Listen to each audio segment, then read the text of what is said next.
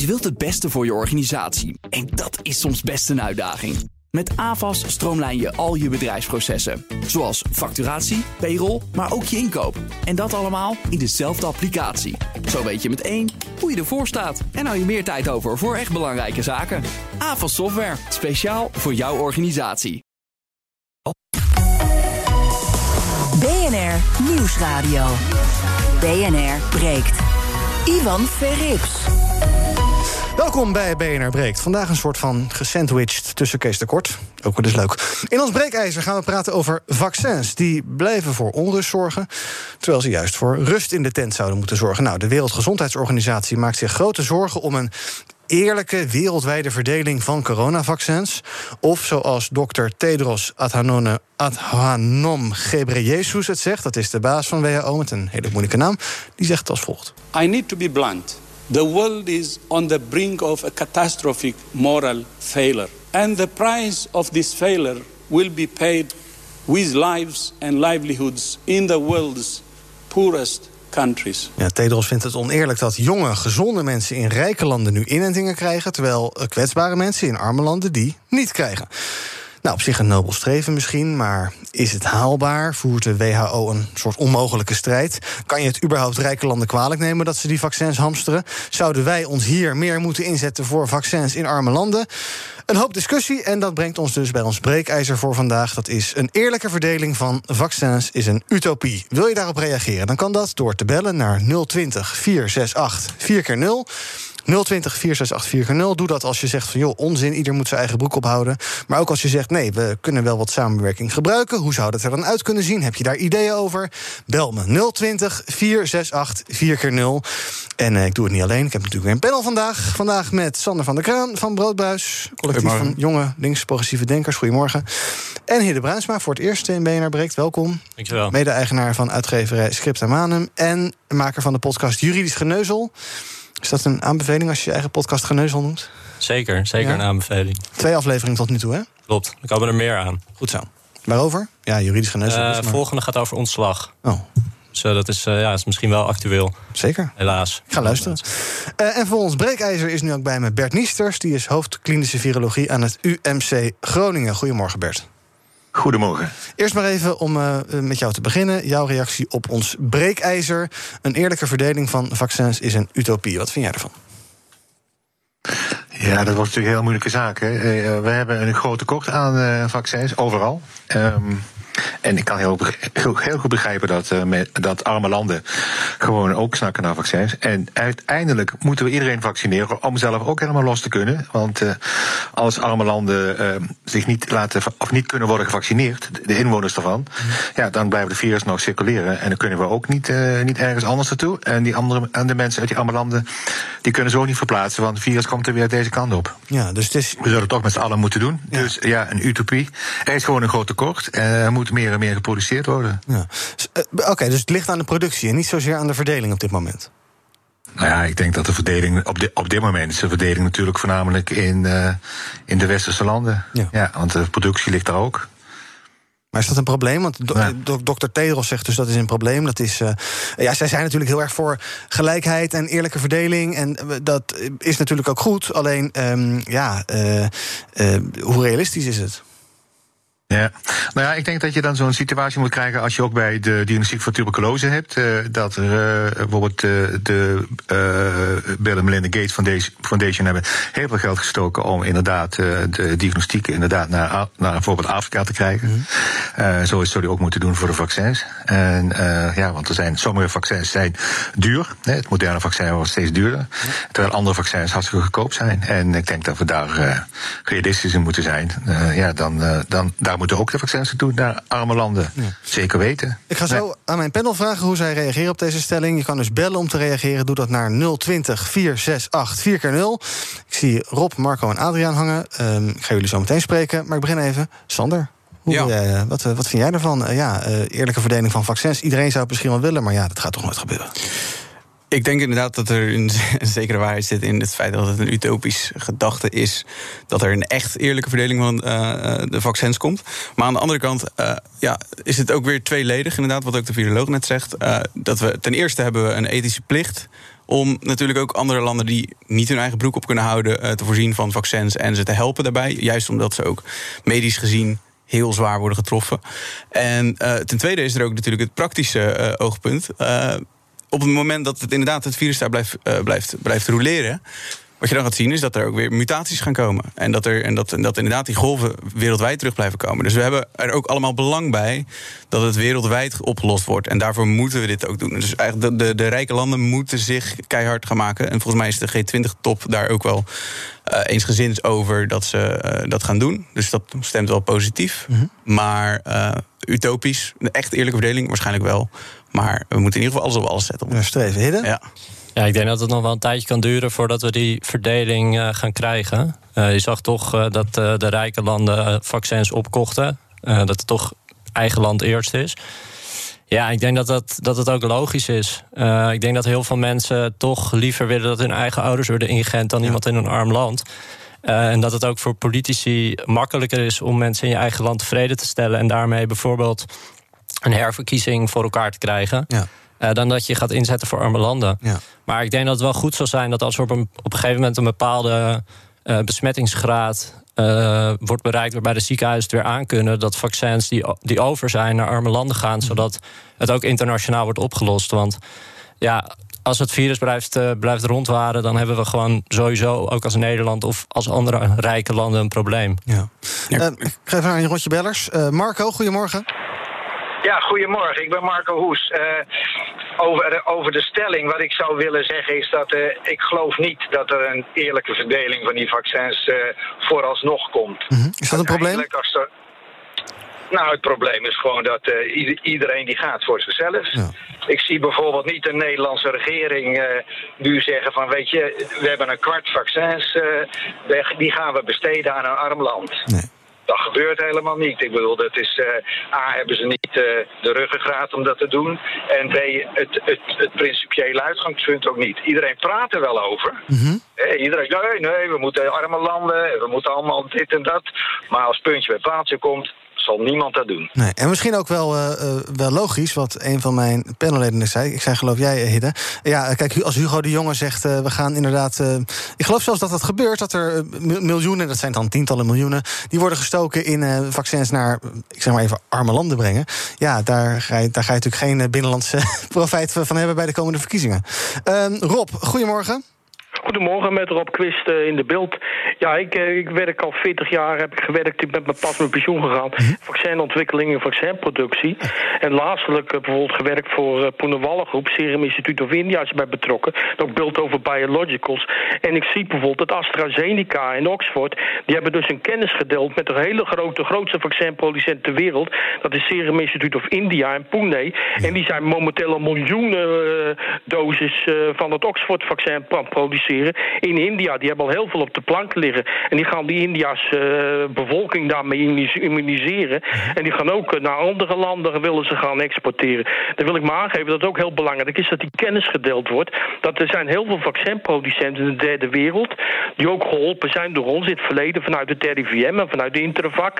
En die nog niet zo ver zijn, omdat het meest geavanceerde vaccins zijn. En dat die, maar ja, gaan ze ook veel gaan dat die kennis naar die producenten wordt overgedragen. Dat die mensen ook in die landen ook zelf die vaccins kunnen gaan produceren. Ja. Want er is heel veel capaciteit en dan kan die ook benut worden. Maar, maar jij ziet dus wel goede ontwikkelingen op dat gebied? Ja, natuurlijk is dat zo. Kijk, wij hebben vanuit de RIVM, dat is gesteund door de Nederlandse overheid... hebben ben in heel veel landen, hebben wij met Indonesië... via de WHO, India, dat hebben wij al dat kennis overgedragen... ook voor de poliovaccin, voor de vaccinproductie daar... om het op te zetten. En ja, en uh, dan wil ik nog een tweede wil ik aan toevoegen... dat de westerse landen zitten momenteel op de eerste rij... omdat die productie van die geavanceerde vaccins... die is nog niet uitgesourced naar derde wereldlanden... want er gebeurt ook heel veel. En daarom, daarom ja... Kijk, als je die productie hier in Europa hebt en in de, in de VS hebt, ja, dan zit je op de eerste rij. Maar ja, aan de andere kant, ze zitten met de productie bijvoorbeeld van antibiotica en generieke geneesmiddelen. Er gebeurt weer in India en China. En de eerlijkheid gebied te zeggen dat zij ook in het begin gezegd hebben van hé, hey, paracetamol even niet uh, exporteren. Maar ik, wil, ik heb toch wel hoop want, uh, dat, dat, het goed, dat het allemaal goed gaat komen. Want als die producenten ingeschaald kunnen worden. En we hebben er zelf ook belang bij. Hè? Want als het virus daar blijft en dat gaat verder muteren, dan komt hier verder nooit een eind aan. Maar zijn de, zijn de zorgen van dokter Tedros dan misschien een beetje overdreven? Of dat niet? Nee hoor, de WHO speelt er een hele grote rol in. Ook vanuit de poliobestrijding en alles en zaken. Want wij produceren hier in Beeldhoven... wordt er ook geproduceerd voor de eradicatieuitroeiing van het poliovaccin. Ook eigenlijk door de... dat wordt geleid vanuit de Poonawalla groep... Dr. Cyrus Poonawalla in India. En dat soort dingen. De WO speelt er gewoon een hele grote belangrijke rol in. Dat die kennis gedeeld wordt. Dat de kennis overgedragen wordt. Dat ook lokale producenten ook daar uh, kunnen beginnen met die COVID-vaccins zelf ook. En, en dat ook dat er gewoon... Uh, ja, dat er ook gewoon... Uh, vaccins ook geëxporteerd worden naar de derde wereld. Want er is gewoon een globaal belang is erbij in het kader van de bestrijding van deze epidemie. Dankjewel Rob voor het bellen. Jij kunt ook reageren op, deze, uh, op ons breekijzer. Een eerlijke verdeling van vaccins is een utopie. Bel naar 020 468 4 keer 0 dan spreek ik je zo meteen. Thijs en Raymond hangen al, die ga ik zo meteen spreken. Eerst even wat de dingetjes die via WhatsApp zijn binnengekomen. Huub die is het eens met ons breekijzer. Hij zegt wel, in mijn optiek is het zelfs stuitend... dat er landen zijn die veel meer vaccins kunnen mogen kopen dan ze uiteindelijk nodig hebben. Dat lijkt dan weer een beetje het recht van de sterkste te zijn. Uh, ja, Hidde, hoe kijk jij daarnaar? Ik geloof bijvoorbeeld dat Canada vijf keer zoveel vaccins heeft ingekocht als ze nodig hebben. Wij zelf maken ons daar geloof ik ook schuldig aan. Uh, er zijn allerlei uh, staten in de VS die maar zelf proberen deeltjes te sluiten met Pfizer en dergelijke. Um, zouden we daar op een uh, verantwoordelijke, eerlijkere manier mee om te gaan? Ja, ik denk wel dat dat een heel groot deel van het probleem is. als je gewoon inkoopt wat je nodig hebt, dan blijft er ook een hoop meer vaccins over voor landen die dat waarschijnlijk op dit moment harder nodig hebben. Uh, je zal zien dat er heel veel vaccins overblijven. Ik weet niet of die dan doorgegeven worden of dat die gewoon worden weggegooid. Uh, maar dat lijkt mij wel een groot probleem, ja. ja. Dan ga ik zo even aan Bert vragen, want die weet het vast wel. Um, nou, laat ik dat nu gelijk doen, Bert. Uh, vaccins die, die over zijn. En ook, ja, inderdaad, in landen vaccins die over zijn. Wat gebeurt daarmee, weet je dat? Nou, dat weet ik niet zo. Maar het is, ook, is ook een beetje vreemd als, Can als Canada vijf keer zoveel uh, vaccin koopt uh, als dat ze nodig hebben. Maar ja, wat doen ze daar dan mee? Dat is een beetje raar. Nou ja, ze werden natuurlijk op meerdere um, paarden. Hè? Je, je gaat bij allerlei verschillende. Ja, maar ja, je kunt, dat, je kunt nog een paard ergens anders uh, neerzetten. Ik bedoel, als je kijkt naar, naar, een, zuider, naar een zuidelijk buurland, Verenigde Staten, waar de, de pandemie gigantisch huishoudt. Ja, daar is ook een tekort aan vaccin. Ja. En inderdaad, het voorbeeld wat net door de medewerker de oud-medewerker van RIVM werd, werd uh, uh, gezegd. Dat, dat is inderdaad uh, klopt. Hè. Je moet het, de kennis delen. India is inderdaad het Oxford-vaccin, AstraZeneca Oxford-vaccin aan het produceren. Die hebben ook 1,3 miljard mensen ongeveer. Dus die hebben nog een hele klus. En er zijn dus ook vaccins, zoals uh, het vaccin dat door Janssen Janssen waarschijnlijk op de markt komt, ja. dat je maar één keer hoeft uh, te geven en dat je dan ook uh, bij kamertemperatuur of bij zeg maar, een koelkast hoeft te bewaren. Dus, en niet zo diep ingevroren als het Moderna of het Pfizer-vaccin. Ja. Dus dat biedt ook perspectieven. En juist het in licentie geven is een heel belangrijk punt. Pfizer heeft volgens mij dat tot nu toe niet gedaan. Maar ja, en dat maakt het alleen het probleem alleen maar groter. Ja. Nou is er bij de WHO ook een een aparte programma opgezet, COVAX geloof ik. Uh, wat weet jij daarvan? Daar, proberen ze wel een soort eerlijke herverdeling na te streven. Ja, ik denk, ik denk dat dat, uh, bedoel, uh, die programma's opzetten is één, maar het uitvoeren is nog steeds uh, punt twee. het is makkelijker iets op papier te zetten en te zeggen van we gaan het samen doen, ook als, als G20. Maar ja, uiteindelijk, ehm, het zit een beetje in de, in de uitvoering. Hè. Iedereen heeft goede wil en iedereen is het over eens dat het eerlijk moet. En iedereen is het ook over eens dat iedereen gevaccineerd moet worden, want anders komen we niet uit die pandemie. Um, ja, maar dat wil niet zeggen dat het gebeurt. Hè. Reageer op ons breekijzer. Bel naar 020 468 4 keer 0 Een eerlijke verdeling van vaccins is een utopie. Raymond, goedemorgen. Ja, goedeochtend met Raymond. Ik had inderdaad. Uh, ik, ik, denk inderdaad niet dat het mogelijk is om het eerlijk te gaan verdelen. Ik denk dat we eerder het uh, probleem bij de basis moeten gaan aanpakken. En dat zou voor mij betekenen als leek zijnde van goed. Het is een wereldwijde uh, epidemie Waarom wordt dit niet door de, uh, de WHO of de, of de Verenigde Naties opgepakt door te zeggen: jongens, we gaan onze krachten bundelen. En wij gaan het, medicijn gaan wij gewoon verspreiden onder één vlag.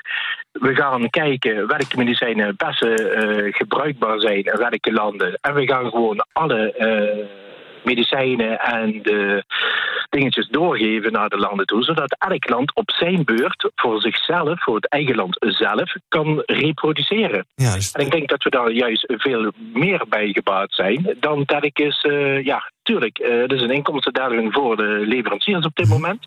Maar aan de andere kant denk ik ook van jongens, uh, hey, we moeten hier niet het geld uit kunnen slaan. We moeten gewoon gaan kijken dat we gewoon voor de toekomst, hè, want er zullen nog meerdere van die, uh, van die virussen gaan Ja. komen volgens uh, berekeningen, dat we gewoon iets van een organisatie opstellen, waardoor gewoon uh, op zo'n moment bij een epidemie wordt vastgesteld, jongens, we gaan één grote organisatie opstellen, waarbij al deze laboratoria's samen gaan werken en daar komt de medicijn uit. En dat wordt gewoon voor elk land op de wereld gewoon, ja, in ieder geval mogelijk om daar gebruik van te maken Ja. zodat ze dat landelijk zelf kunnen oppakken en voor hun eigen land kunnen bepalen hoeveel medicijn hebben we nodig, hebben we niet. Ja. En dat het geen kwestie van geld moet zijn op dit moment. Zal er een soort eh, wereldwijd project van maken? Ehm, daarvan is misschien ook de vraag: is dat een utopie? Maar zou het een goed idee zijn dat je inderdaad de VN dat laat doen, bijvoorbeeld? Ja, absoluut. Eh, Dat denk ik wel. Ehm, want wat je nu ziet is dat ieder land eigenlijk voor zich inderdaad moet gaan sprokkelen.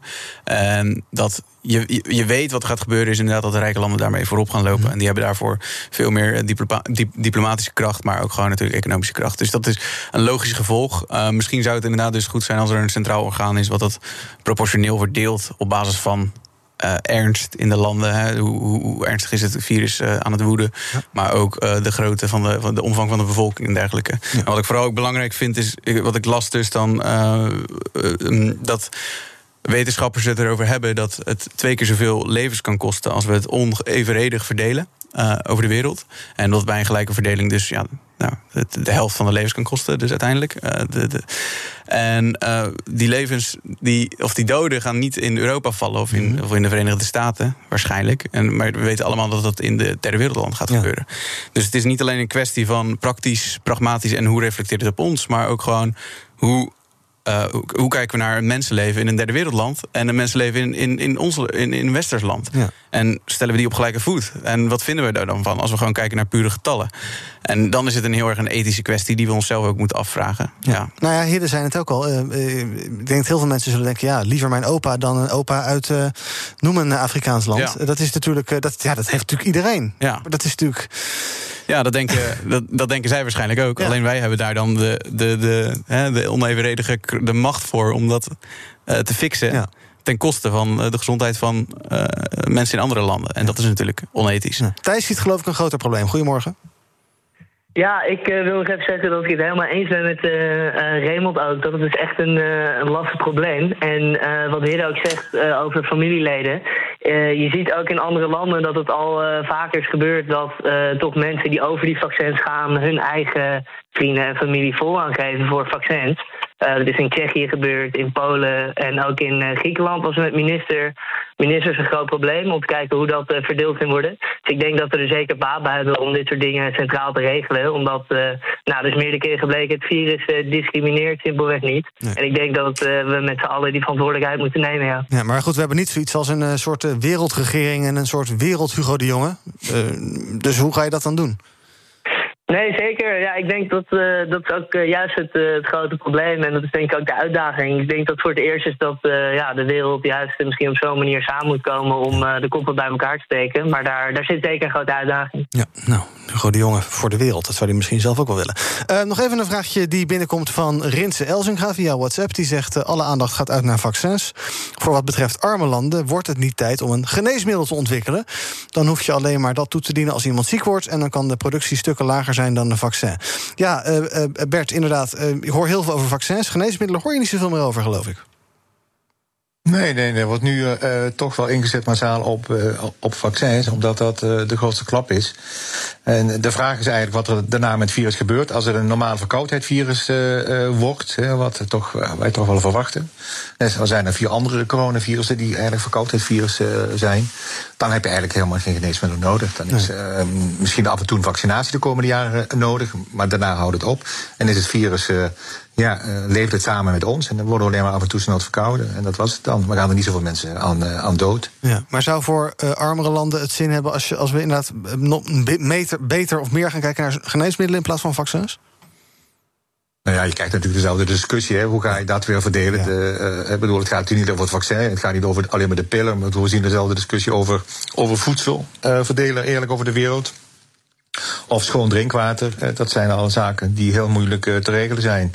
Iedereen is het over eens dat iedereen uh, schoon drinkwater moet hebben. Maar als je kijkt naar de situatie in Oost-Europa met vluchtelingen, dan zie je al dat er daar al allerlei problemen zijn die we ook niet kunnen oplossen, helaas. En daar zijn we het wel allemaal over eens dat het ook onethisch is. BNR dus, um, breekt. Het is. Breekijzer. Ja, praat maar verder. Het is gewoon een lastig uh, punt. Ja. Um, ja. Ja, precies. Laten we nog even kijken naar de, ja, naar, de, naar de binnenlandse situatie. Want ook binnen Nederland is er veel gedoe over die vaccins. Wie krijgt ze als eerste en wie krijgt ze daarna? En uh, vandaag het bericht dat het vaccineren van huisartsen nog deze week gaat starten. Eerder was ze dat al beloofd. Toen kwam de jongen die belofte niet na. Nu dus weer wel. Um, ik ben wel even benieuwd, Hidde, en ook uh, Sander. Hoe kijken jullie naar de regie op dit dossier? Want ik heb het idee dat als ik een beetje ga lobbyen in Den Haag... dat uh, morgen mensen die radio maken ook aan de beurt zijn. Ik denk dat het vooral een kwestie is... Kijk, de volgorde is natuurlijk belangrijk. Alleen wat ik, van wat ik heb gelezen is het gewoon het belangrijkste om binnen een korte termijn zo, zo, zo snel mogelijk die vaccinatiegraad te bereiken. En de volgorde is dan ja, het is wel van belang, maar ook weer secundair aan die vaccinatiegraad, denk ik. Ik denk dat het gewoon van belang is dat het heel snel gebeurt. En uh, dat we zo snel mogelijk naar die, wat is het, 60, 70 procent gaan. Mm. En dat we dan die golven kunnen terugdringen. En dat we dan met z'n allen pas de positieve effecten kunnen ervaren. Uh, dan kunnen we heel lang gaan neuzelen over de volgorde ervan denk ik. Maar ik denk dat het, we er allemaal bij gebaat zijn als het gewoon zo snel mogelijk, zo breed mogelijk uit wordt gerold. Ja. ja. Ik denk ook wel dat het erg belangrijk is dat mensen in de zorg in ieder geval als eerste worden ingeënt. Ik bedoel, dat wel, ja. de zorg staat op omvallen. Uh, heel veel mensen zijn ziek, overspannen, overwerkt. Uh, ja, als je die mensen inent, dan worden ze in ieder geval niet meer ziek. Nee. Uh, en dan kunnen ze gewoon door blijven werken, waardoor de zorg het waarschijnlijk ook weer wat langer aan kan. Dus ik snap sowieso niet dat huisartsen nog niet zijn ingeënt, of in ieder geval nog niet op de lijst stonden. Mm -hmm. Dus het lijkt me heel goed dat dat, ja, dat die nu wel aan de beurt zijn. Ja, toch is het advies van de Gezondheidsraad eerst die kwetsbare ouderen. Uh, Bert, hoe kijk jij er dan naar? Dat er dus uh, groepen zijn die daar dan voor gaan. Dat, uh, Hugo de Jong heeft al gezegd, ja, het is een soort zijstap op het Gezondheidsraadadvies. Het wordt er wel een beetje onduidelijk op. Ja, nou, het is inderdaad een beetje. Uh, ik ben het met je eens. Het is onduidelijk. Dat is een gezondheidsraadadvies. Dat wordt dan iedere keer uh, uh, weer een beetje aangepast of veranderd. En er zijn natuurlijk niet zomaar zij, zijstappen, er zijn wel flinke zijstappen. En een van de grote punten is, wat de sprekers ook eigenlijk zeggen, van ja, je moet zo snel mogelijk, zoveel mogelijk vaccineren. Er is veel meer vaccin in Nederland, maar het uitrollen dat gaat nog niet uh, massaal, op, op, op, een massaal niveau. Hè. Dus, er is meer beschikbaar, maar we hebben maar een fractie op dit moment de deur uitgedaan. En de huisartsen zien natuurlijk straks veel meer patiënten die ziek worden, hè, zeker met die Engelse varianten men daar toch wel een beetje beducht voor. Maar dan krijg je ook de discussie: wat doe je dan met mensen in de thuiszorg? Hè? Wat ja. doe je dan met de mantelzorgers? Er is altijd wel een prioriteitenlijstje. Nou, die heeft de gezondheidsraad heeft dat, uh, heeft dat uh, gezegd van dit is ons lijstje. Hm. Daar moet de politiek dan een besluit over nemen. Die, dat verandert dan regelmatig. Maar de bottleneck is eigenlijk, er is op dit moment te weinig vaccin uh, uh, beschikbaar. Ja. En als het vaccin beschikbaar is, is, eigenlijk zouden alle voorraden nu in mensen geprikt moeten zijn. Ja. Dat zouden we eigenlijk het liefste, liefste zien. En dat je straks, net zoals in, in Londen, dat men zegt, of in Duitsland, ik weet niet of Duitsland ook zo is, maar dat je gewoon dag en nacht prikt. Ja, en wat is het probleem daar niet? Want mensen zijn er genoeg die we kunnen prikken. Ja, 24-7 prikken inderdaad. En wat, wat Sander dan dus zegt, van ja, het maakt me eigenlijk niet zoveel uit uh, wie er wordt geprikt, als er maar wordt geprikt. Uh, dat is misschien een beetje gechargeerd, ja. maar dat, dat is wel iets waar jij ook bij zou aansluiten. Ja, ja, als er maar wordt geprikt. Ja. ja. Um, ik zag dat in het Verenigd Koninkrijk dat daar een speciale uh, vaccine deployment minister aangewezen is. Nadim Zahawi heet die meneer. Uh, zou dat iets voor Nederland ook zijn om uh, ja, ook in de regeringskringen dit toch een beetje op te schalen en misschien een aparte minister voor coronavaccins of iets dergelijks te benoemen? Bert. Stel je de vraag aan mij? Oh, ja. Um, Ja, nou ja, kijk, als op een gegeven moment gezegd uh, wordt... Uh, we gaan in de regio's uh, 24, 24 uur per dag, 7 dagen per week prikken... en we hebben genoeg vaccin, ja, dan moeten de, de, lokale veiligheidsregio's dat regelen. Volgens mij lukt dat dan ook wel. Ja. Er zijn genoeg mensen die kunnen prikken. Ja. Dus daar zie ik daar heb ik toch hoop op dat dat uh, te regelen is. Ja. Dank, Bert Niesters, hoofd klinische virologie aan het UMC Groningen. Ik wil aan mijn panelleden nog één vraag voorleggen. De vraag van Robert, die vraagt... Um, ik denk ook aan degene die de economie draaiende houden... zoals de ondernemers. Of is dat raar? Jullie korte reactie, uh, Sander en Hidde. Uh, ondernemers ook voor op de lijst? Uh, ja, het ligt een beetje aan wat voor ondernemers. Ik bedoel, er zijn heel veel mensen die nu thuis kunnen werken, ook ondernemers. Ik ben zelf ondernemer en ik werk al jaren thuis. Mm um, Misschien mensen in supermarkten werken. Ja, nee, uh... ja het, het, ik, ik, denk wel dat daar wat in zit. Uh, de horeca, supermarkten, als je dat dan weer, de horeca weer open zou kunnen doen, als zulke mensen allemaal gevaccineerd worden, ja, dan denk ik dat daar wel een ja, lans voor te breken valt. Sander, eens? Uh, nee. De crisis is, medisch. Is medisch. Uh, het gaat om de zorgcapaciteit. Uh, dus die moet gefixt worden. En pas dan kunnen. Het virus kan er nog zijn zodra we de zorgcapaciteit maar groot genoeg is. Zodra de acute zorg niet in het geding komt. Dan kunnen we weer wat open doen. Um, dus medisch personeel is dan wel het allerbelangrijkste ja, iedereen, iedereen werkt voor een ondernemer. Iedereen is een ondernemer. Dus dan zou iedereen wil een vaccin. ja, precies. Ja, nou, letterlijk. Ja. Dus ja, ja die nee. niet voor op de lijst wat jou betreft. Duidelijk. Zometeen gaan we verder praten. Onder andere over uh, Mark Rutte. Die mag van de meeste Nederlanders gewoon weer premier worden. Rutte 4 dus. Uh, eens kijken of mijn panel dat ook ziet zitten. En um, nou, ook nog vele andere onderwerpen. Bijvoorbeeld over uh, Lange Frans gaan we het nog hebben. Over Melania Trump. Ehm, over ploemen. Nou, je hoort het allemaal zometeen. BNR Nieuwsradio. BNR breekt. Ivan Verrips. Welkom terug. Ik praat met mijn panel over het nieuws van de dag. Zometeen over premier Mark Rutte. Van de meeste Nederlanders mag hij uh, gewoon weer premier worden. Ondanks de toeslagenaffaire, de Rutte-doctrine, dat soort zaken. Uit onderzoek blijkt dat het uh, de meeste mensen eigenlijk gewoon niet zoveel boeit, die toeslagenaffaire. Gaan we het zo meteen over hebben. Met mijn panel, Sander van der Kraan van Broodbuis en Hidde Bruinsma, eigenaar, mede-eigenaar van uitgeverij Scripta Manum en maker van de podcast Juridisch Geneuzel. We doen altijd even een rondje met uh, nieuws van mijn gasten, dus wat jullie is opgevallen. Uh, Sander, waar wil jij het over hebben? Ja, ik zat gisteravond uh, Jinek te kijken. Daar kwam Lilianne Ploemen, uh, die, die zat er ook aan de tafel. Ik heb het allereerst hebben heel erg geërgerd aan Jack van Gelder. Maar dat is eigenlijk een vaste prik tegenwoordig. Okay. Um, maar los daarvan, uh, voor mij was het een beetje een kennismaking met Ploemen. Want ik kende haar nog niet zo goed. Um, maar ik, ik, vond het wel een, een, een goede, ik vond, ik vond het wel een goede indruk maken. Ik ben wel tevreden over de keuze voor haar als lijsttrekker. En ik hoop ook heel erg dat ze wat, uh, ja, wat, wat, wat grotere ideologische lijnen durft uit te zetten. Wat me heel erg opviel is dat uh, Jinek telkens, uh, Eva Jinek probeerde telkens vragen te stellen, een beetje prikkelend, om, om die ambitie een beetje op te rakelen. Zoals van, ja, Kaag die, die spreekt gewoon uit dat ze premier wil worden. Ja. Dat, durf, dat durf jij toch ook wel? Nou, en toen zei ze dit. Een vrouw die oh. al lang op weg is om premier te worden. Of in ieder geval die ambitie heeft. Nou ja, um, laat ik het zo zeggen. Ineens heb ik nu deze positie. maar ik heb ook als Kamerlid kan je gewoon heel veel veranderen. Ik vind, ja, zou het ook kunnen zeggen, ja, dat wil ik, of nee, dat wil ik niet. Of... Exact dit, inderdaad. Dit, dit is precies het, het, inderdaad het perfecte fragment. Mm dat, Dank je. alsjeblieft. Het symboliseert een beetje... Um, ja, toch wat, ja, het, zelfhaat is misschien een beetje een groot woord voor de PvdA. Maar waarom hebben ze nou geen vertrouwen erin? Weet je wel? Mhm. D66 die durft toch ook gewoon te zeggen dat ze, uh, dat, ze, dat ze de premier willen aanleveren. Nieuw leiderschap. Ze was een beetje overdonderd door de vraag ja. of ze, ze wil de PvdA gaan leiden. Wat ze dan daarmee wil gaan doen. Ja. Een soort van. En ik vind juist, de PvdA is nu in de perfecte positie om weer ideologische lijnen uit te gaan zetten. En te zeggen: oké, wij willen een ander Nederland. We willen dit en echt fundamenteel ook. Hè. En dat doen ze niet echt. Het is een beetje lafjes. En ik vind dat heel jammer, want ik zie juist nu de uh, ja, geswitcht zijn uh, wat, wat, betreft uh, leiders, heel veel mogelijkheden daar. Maar zij is toch ook, uh, zij profileert zich ook in dat, in dat filmpje wat ze gemaakt heeft. Daar profileert zich ook van ja, ik ben een gewone vrouw en ik ben ook maar letterlijk zat erin uh, de dochter van de melkboer, dat soort zaken. Uh, ja, als je iemand wil die met grootse wilde plannen komt, dan moet je inderdaad Timmermans hebben of Samson die wel met zijn vuist op tafel staat. Zij is misschien een iets zachtere leider. Ehm, alhoewel ik me afvraag of als dit een man was geweest, of ik dat ook had gezegd. Maar oké. Okay.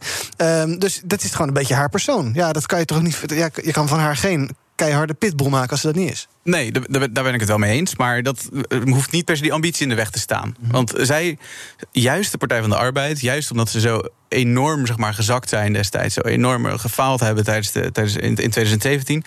Het is nu een soort van. Nu kunnen ze beginnen aan de wederopbouw. En doe dat dan op een beetje een, bold manier. Weet je? Zeg gewoon waar je voor staat. En juist dat feit dat ze een. Uh, ja, zich portretteert als een, een, gewone vrouw, zeg maar, een vrouw van het volk. Uh, dat kan ze juist gebruiken om een soort van een, een brede volksbeweging op gang te krijgen. Van mensen die voor hun rechten opkomen. En zeker nu de rechtsstaat zo in het geding komt telkens. Dat, dat ze dat fundamenteel anders willen gaan aanpakken. Met grote, brede lijnen voor. We gaan het beter maken voor Nederland. We gaan het anders doen. Dat, daar hebben zoveel mensen nu behoefte aan. En ze pakt die kans niet terwijl ze daar staat. Dus jij, wat zou jij zeggen tegen Liliane Ploemen? Kick some ass. Ja, letterlijk dat. Eigenlijk precies de vragen die Jinek vroeg. Mhm. Maar dan gewoon met ja, inderdaad, ga ik doen, beantwoorden. Ik weet uh, helemaal niet of jij iets van, uh, van uh, Liliane Ploem of de PvdA vindt. Maar hoe, nou, hoe kijk je naar haar, haar lijsttrekkerschap? Ja, ik, ik, ik weet niet of zij de juiste persoon is. Ik denk dat ik het wel eens ben wat met Sanders zegt. Ja, ze, is, ze komt best wel soft over. Het zou wel goed zijn als ze inderdaad met haar vuist op tafel slaat... en zegt, ik ga dit doen en ik ga dit voor elkaar krijgen. En ik denk dat de PvdA dat momenteel ook goed kan gebruiken... en dat ze daar zeker behoefte aan hebben. Maar ja, misschien dat ze nog een beetje in de eh, rol moet groeien. Dus misschien moeten we er niet meteen uh, afsorteren. Ja. Uh, ja, laten we er even de, kans geven. Want volgens mij, wat ze doet, is wel heel goed. Ja. En ze doet hele goede dingen. Maar ik ben benieuwd of ze ja, ook als, als lijsttrekker de goede, de goede persoon is. Ja. Wat is jou opgevallen in het nieuws?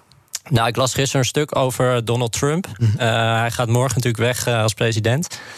En ze hebben gekeken wat hij in de afgelopen vier jaar aan dingen heeft gezegd die onwaar waren. En dat zijn er meer dan 30.000. En dat vond ik toch wel ja, shocking. Ehm, en ik, ja, ik ben vooral heel benieuwd wat de schade is die hij heeft toegebracht aan het. Uh, Amerikaanse systeem en de Amerikaanse democratie op de lange termijn. Want als mensen, zoveel mensen vier jaar lang alles pikken wat hij heeft gezegd wat niet klopt. En daarin, hebben, daarin geloven en daar ook in zijn blijven geloven. Dan ben ik heel benieuwd hoe dat verder gaat. En we krijgen nu natuurlijk Joe Biden en hopelijk een uh, wat positievere wind.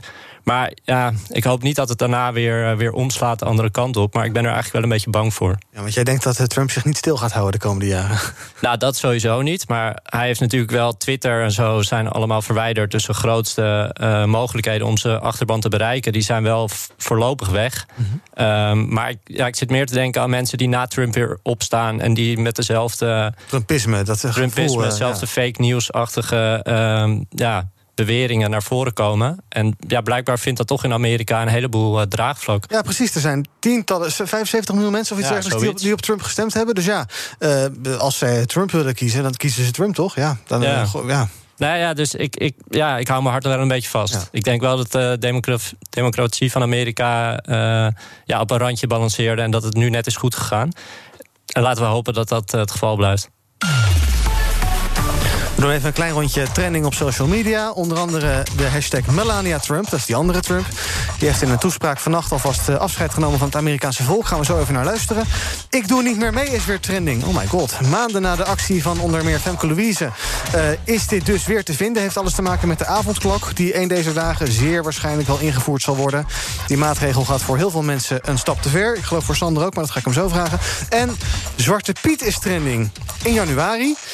Dan zou je denken, gaat de Zwarte Piet-discussie weer beginnen? Nou, een soort van. Um, Kick-out Zwarte Piet in Limburg en Noord-Brabant. Zij voeren actie tegen carnavalskostuums... die volgens hen kwetsend, racistisch en stereotyperend zijn. Zou je denken, heeft dat met Zwarte Piet te maken? Meer met carnaval, maar blijkbaar is dan toch de hashtag Zwarte Piet uh, trending. Even kijken, toen, toen, net het nieuws liep, toen zei jij, Sander... Uh, de, de avondklok, daar zit ik echt niet op te wachten. Nou, ja, kijk, ik, ik, ben voor alle maatregelen. Ook gisteren. Um... Maar ik doe niet meer mee. ja, nee, dat vind ik heel pijnlijk dat dat nu weer trending is en dat dat, dat, dat opkomt, zeg maar. Mm toch wel een, weer een klap in het gezicht, want iedereen heeft het nu zo zwaar. En om dat dan weer te lezen en ook het, het protest op het Museumplein uh, van afgelopen weekend, denk ik echt van man. Uh, maar de, de, de, ik doe niet meer mee. Sorry, wat, nu, nog, kan je nog een keer vraag herhalen? Nou ja, meer, jij, de, de, de, de, de, de avondklok. Jij zei, gehad, pas alsjeblieft. Zeg. Terwijl ik ook een beetje denk van, ja, weet je, we zitten al zo lang in die, in die ellende. Zo'n avondklok kan er ook nog wel bij. En als het helpt, joh, doe maar, doe maar. Nou, dat heb ik inderdaad ook wel. Wat gisteren de OMT-leden bij Jinek ook zeiden... van geen, uh, geen maatregel is taboe. En daar ben ik het helemaal mee eens. Want we moeten het indammen. Wat ik heel erg kwalijk vind, is dat het zover is gekomen. En dat, dat reken ik zeg maar, het, het falende beleid toe. Het veel te late en veel te weinig, veel te soepele beleid. En dat we nu in een situatie zitten waarin we op onze tenen moeten lopen. En zo goed moeten uitkijken dat we niet op code zwart afstevenen. Dat vind ik heel kwalijk. En dat vind ik ook. Dat, dat is de directe reden waarom dit zo langslepend is. En waarom het zo heftig is allemaal. Ehm, ik denk dat dat het voorkomen had kunnen worden. Ja, maar laat, ja. ja. Ja, ik leg maar bij neer, maar het, ik vind het heel zwaar. Ja. ja. Um, iemand die ook niet meer meedoet vanaf uh, morgenavond 6 uur onze tijd is deze dame. The promise of this nation belongs to all of us. Do not lose sight of your integrity and values. Use every opportunity to show consideration for another person and build good habits into your daily lives. In all circumstances, I ask every American to be an ambassador of Be Best, to focus on what unites us, to raise above what divides us, to always choose love over hatred, peace over violence, and others before yourself. Ik vond het wel een mooi toespraakje eigenlijk. Misschien wel eh, presidentiëler dan Donald Trump zelf. Vond Amerikaanse media best hard voor. Die schreven van ja, wat heeft ze nou eigenlijk bereikt? En uh, ze gaat de boeken in als iemand die uh, eigenlijk niet herinnerd zal worden. Terwijl ja, naast Donald Trump, wat moet je dan? Hidden, ja, Melania Trump. Ik denk dat er dagen zijn de afgelopen vier jaar dat je niet aan haar gedacht hebt. Um, hoe, hoe hoor jij dit toespraakje van haar? Ja, ik vraag me dan toch af, heeft ze het zelf geschreven? Mm -hmm. uh, en ik ben ook benieuwd of, uh, of ze Trump uh, na morgen ook gedag zegt. Ik denk het wel eigenlijk. Ja? ja is ze klaar met hem is? Ja, ik kan, als ik dit zo hoor, dan denk ik... als zij dit echt meent, dan liggen hun denkbeelden wel heel ver uit elkaar. Dan vraag ik me af hoe gezellig, hoe gezellig het is geweest de afgelopen vier jaar. Ja. Ze uh, heeft ook gezegd dat de laatste vier jaar onvergetelijk waren. Nou, daar kan ik me best iets uh, bij voorstellen. Positief of negatief? Ja, dat weet ik niet. Ik hoop positief. Maar ook, ook, ook als first lady zijnde...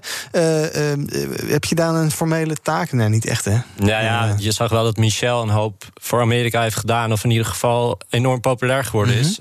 Um, ik denk dat dat bij Melania tegenvalt. Dus ik denk dat ze wel meer had kunnen doen dan ze nu heeft gedaan. Ondanks dat je niet echt een formele taak hebt. Um, maar ja, dus ik, ik, ik, ja, ik weet niet precies wat ze voor elkaar heeft gekregen... maar volgens mij is het niet heel veel. BNR breekt. We gaan naar uh, Thomas van Zel van BNR Zaken doen. Want die presenteert zometeen om 12 uur uh, Zaken doen. Dus Thomas, wat ga je doen? Ik ga praten met uh, de directeur van de Dirk van den Broek, Marcel Huizing... over hamsteren, over voorraden, over omscholen. Want er zijn veel supermarktmedewerkers nodig. En die kunnen misschien wel uh, gehaald worden. Daar waar nu geen werk is, bijvoorbeeld vanuit de horeca. En natuurlijk ook uh, waar het al een tijdje over gaat, die avondklok. Dat kan gevolgen hebben voor winkels die nog wel open zijn, zoals de supermarkten. Ja. Dus dat staat uh, zeker op de agenda. Um, net zoals een gesprek met een accountant die ambities heeft om weer in haar geval advocaat te worden. Er zijn grote accountantskantoren die nu zeggen: ja, dat monopolie van advocaten dat kan doorbroken worden. Het is soms zelfs wel handig als wij en accountant zijn en tegelijkertijd ook ook juridische diensten kunnen aanbieden. Uh, advocaten zelf uh, zijn daar soms wat sceptischer over. Een, een gesprek daarover onder andere. En um, wij beginnen zo meteen met de autoriteit Consument en Markt... die voor het eerst in de geschiedenis, want zo historisch is het wel... een bedrijf op de vingers heeft getikt dat werkt met nep-likes en nep-volgers. Wat daar nu precies de verklaring voor is... en wat de boete is die zo'n bedrijf boven het hoofd hangt... dat gaan we zo meteen horen. Net als Kees de Kort, die weer een korte weer. comeback maakt. Ja, zeker, na een uur Big Five... nu nog even afpilzen bij uh, ja. Zaken Wat doet hij dan dit half? Wat doet hij dit uur dan? Even kijken of ik precies zitten. Nou, volgens mij vermaakt hij alvast mijn gasten. Tenminste, ja. dat heb ik hem opgedragen. Hij zit hier, hij zit hier inderdaad bij het raam. Goed, zometeen om 12 uur. Zaken ja. doen met Thomas van Oké okay, dan. Hoi. Jo, tot zo. BNR breekt. Ivan Verrips. Goed, we hebben nog wat onderwerpen te bespreken. Um, in deze uitzending van BNR Breekt met mijn panel... Sander van der Kraan van Broodbuis en Hinde Bruinsma... mede-eigenaar van uitgeverij Scripta Manum... en de maker van de podcast Juridisch Geneuzel, een van de makers. Um, we hebben het al genoemd. We gaan het even hebben over uh, premier Mark Rutte. Ondanks zijn rol in de toeslagenaffaire krijgt Rutte van de meeste kiezers het voordeel van de twijfel. Hij mag dus nog een keertje door. Rutte 4 als hij zou willen. Nou, de Nederlanders lijken dat ook wel te zien zitten. Um, we hebben natuurlijk de hele toeslagenaffaire gehad. En zelf zei hij al van... nou, ik heb er eigenlijk helemaal niet over nagedacht... om op te stappen als lijsttrekker van de VVD. Heeft u wel overwogen om uh, op te stappen, ook als lijsttrekker van de VVD? Ik heb dat zelf niet overwogen, omdat ik vind uh, dat dat uiteindelijk aan de kiezer is. Uh, omdat ik zelf geen uh, directe betrokkenheid heb bij dit dossier. Ja, een enquête van, ik zie je met zo'n nee schudden, maar dan ga ik het zo over vragen. Enquête van Kieskompas onder ruim 6000 mensen. Daaruit blijkt dat net iets meer dan de helft, 51%, vindt dat de VVD-leider gewoon opnieuw premier kan worden. En nou, misschien gezien de peilingen zou dat ook nog best wel eens kunnen op dit moment. Um, Hidde, Rutte 4. Ja, ja, ik denk dat het heel duidelijk is dat uh, mensen corona momenteel veel belangrijker vinden dan de toeslagenaffaire. Mm -hmm. En ik denk wel dat, dat het daardoor ook uh, zo is dat mensen iets hebben. Ja, ik vind het wel prima, Rutte, nog een keer. Want heel veel mensen zijn tevreden over hoe hij het heeft gedaan. Ja, ik denk toch dat de toeslagenaffaire voor een hele voor een kleine groep mensen echt heel nadelig is geweest en heel erg. Um, maar dat voor heel veel mensen het ook een beetje een ver weg van hun bedshow is. Ja. Als je er niet zelf mee te maken hebt gehad, ja. Ja, en dan reken je Rutte er ook niet op af. En hij rekent zichzelf er ook niet helemaal op af. En ik denk dat de VVD momenteel niemand anders dan Rutte heeft als lijsttrekker. Dus dat hij ook zoiets heeft van, ja, ik ga niet opstappen... want dat gaat de partij heel veel stemmen kosten. Um, ja, dus ik snap op zich wel dat hij doorgaat. Ja. Is het uh, wat jou betreft uh, uh, terecht dat de meeste mensen daar dus blijkbaar niet zoveel van vinden? Hè? Er, zijn, er een enorm veroordelend rapport uitgekomen door die, door die Kamercommissie, zeg ik maar eventjes.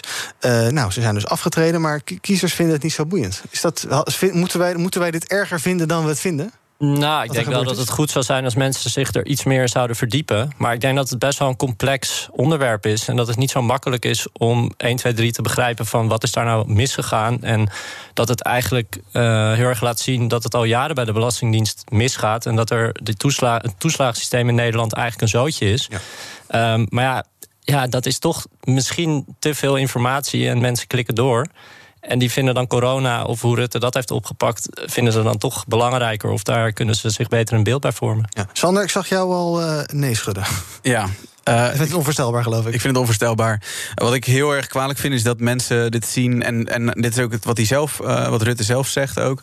Dit zien als een, een op zichzelf staande uh, casus. En dat het niet, het niet. Dit, kijk, wat het doet, dit, is een symptoom van een, een brede systeemrot. En dit is een eerste in waarschijnlijk nog een, een, een hele uh, rits aan affaires die er, die er aan zitten te komen. We kijken naar de bijstandaffaire straks. We kijken naar, wat is het, de, de, de kinderbijslagaffaire. Mhm. Weet je wel, dat soort Maar dingen allemaal zitten... rondom belastingen of ook op andere dossiers? Gewoon om uh, overheidshandelen. Mhm. En Rutte die doet nu alsof dit een, een op zichzelf staand iets is, omdat hij dan kan zeggen: dit was een ongeluk en er zijn geen, ik heb geen directe uh, verantwoordelijkheid daarin. Maar het is iets, het is iets fundamenteels, het is iets breeds en uh, zeg maar het. Mark Rutte is de personificatie van dat fundamentele probleem. Want wat hij heeft gedaan is vanaf dag één... tenminste, dat heb ik me laten vertellen dan, want toen was ik tien. Ja. maar um, wat hij heeft gedaan is... Uh, hij heeft de bureaucratische machine, zeg maar heeft hij heeft het gezicht eruit gehaald. Door te zeggen, de, de, onder de Rutte-doctrine dan... er mogen geen persoonlijke uh, opvattingen meer naar buiten komen... er mogen geen stukken meer naar buiten komen van, vanuit de ambtenarij... of vanuit de beleidsmakers. Ja. Er mag de machine, waar dan soms af en toe is iemand zeg maar, tussen de tandwieltjes komt, dat mag geen gezicht meer hebben. Want dan kunnen mensen er morele aanspraak op doen. Zeg maar, ja. Van wat doe je nou als persoon, als beleidsmaker? Hoe durf je dit te doen? En Rutte is daar de directe oorzaak van dat mensen er weer wegkomen en dat er niets aan gebeurt. En dat mensen hier blijkbaar apathisch over zijn. En dat ze het niet erg genoeg vinden. Ten eerste natuurlijk het institutioneel racisme, maar ook gewoon de brede systeemrol die Rutte veroorzaakt heeft. En dat hardvochtige beleid. Dat stemt mij echt moedeloos. Ja. Want wat je dus, wat, als het niet over de verkiezingen hier niet over gaan. Als, als dit niet het onderwerp is waar mensen op afgekeurd worden. In wat voor democratie leven we dan? Als het niet over beleid gaat, maar over of hij op de fiets naar de koning gaat. Ja, waar hebben we het dan over? Ja. Want dit is als. Ja, ik, ik, ik, weet het. Ik vind het onvoorstelbaar zoals je zei. Um, en ik vind dat hij ja, weg moet en nooit meer terug moet komen. Hij is trouwens ook, dat wil ik ook nog even bij zeggen. Hij is al een keer eerder persoonlijk veroordeeld voor uh, rassendiscriminatie onder zijn beleid. Oh. In 2007 mm -hmm. voor uh, iets wat hij in 2003 had gedaan. Dus hij heeft een track record van racisme en van. van, van nou, niet hij persoonlijk. Ja, hij persoonlijk. Nee, joh. Ja, zeker weten. Maar, zeker weten. Maar hij heeft toch niet die, hij heeft toch niet die belastingssystemen uh, uitgepluist en dan mensen met een tweede nationaliteit eruit gevist. En natuurlijk, alles wat er gebeurt, wat er fout is, gebeurt onder zijn verantwoordelijkheid. Maar hij, heeft, hij is toch, uh, zoals hij zelf ook zei, ja, ik sta er wel boven, maar ik heb geen dossiers zelf onder mij. Ja. Nee, dat, dat wat ik zeg. En hij is afgetreden, dus wat kan je dan nog meer doen? Terugtreden, nooit meer terugkomen. nee, maar eh, wat zijn, zijn persoonlijke verantwoordelijkheid hierin is de, is de visie en het beleid, de lijnen die hij heeft uitgezet, die de, hier de directe oorzaak van zijn. En hij zegt: Ik ben zelf niet direct betrokken. Hij is de, de, directe oorzaak hiervan. Ja. Nou, is er zo meteen een Kamerdebat hierover. Wat natuurlijk best gek is, want je gaat met een demissionair eh, kabinet eh, debatteren. Dus die kan ik niet meer wegsturen. Uh, heeft zo'n Kamerdebat dan nog zin? Nou, ik denk meer voor ja, de algemene opvatting uh, over hoe iedereen erover denkt in de Kamer. En uh, dat toch mensen zich nog moeten gaan verantwoorden. Ik denk dat zeker zin heeft. Ja, wegsturen van een kabinet is natuurlijk iets wat je eigenlijk sowieso niet wil doen. Het lijkt me niet. Ja, nou ja, het, het, gebeurt, maar het lijkt me voor een land niet het beste altijd. Uh, maar ik denk dat zo'n debat gewoon goed is om nog een keer te kijken van ja, wat kunnen we nou beter doen? Want ik denk wel dat het, dat het hele uh, toeslagensysteem in Nederland veranderd zou moeten worden. En dat juist zo'n heel e-, ernstig uh, incident als dit daar een goed startschot eh, voor zou kunnen zijn. Dus ik hoop dat ze daar ook over doorpraten. Ja, nou ja, dat gaat natuurlijk ook gebeuren. Het toeslagensysteem gaat op de schop. Gisteravond was er nog nieuws van uh, staatssecretaris Van Huffelen. Die zei, uh, ja, die schulden... want het, het was het verhaal eind vorige week... dat mensen die die 30.000 euro kregen... dat werd gelijk weer teruggevorderd door de Belastingdienst. Dus daar had je geen zak aan. En ehm, gisteren dus het verhaal van staatssecretaris Van Huffelen... is dat de schulden van al die mensen... bij alle overheidsinstellingen worden kwijtgescholden. Alhoewel de vraag is, zijn het eigenlijk wel schulden? Want het zijn natuurlijk ja, soort kunstmatig ontstaande schulden. Maar oké, dat zijn is dat, is dat de oplossing of is dat een stapje naar de oplossing weer? Nou, dat lijkt me niet de oplossing. Maar het is in dit geval voor die mensen wel gerechtigheid. Want het, het zou natuurlijk belachelijk zijn als ze die 30.000 vervolgens weer aan de Belastingdienst zouden moeten betalen.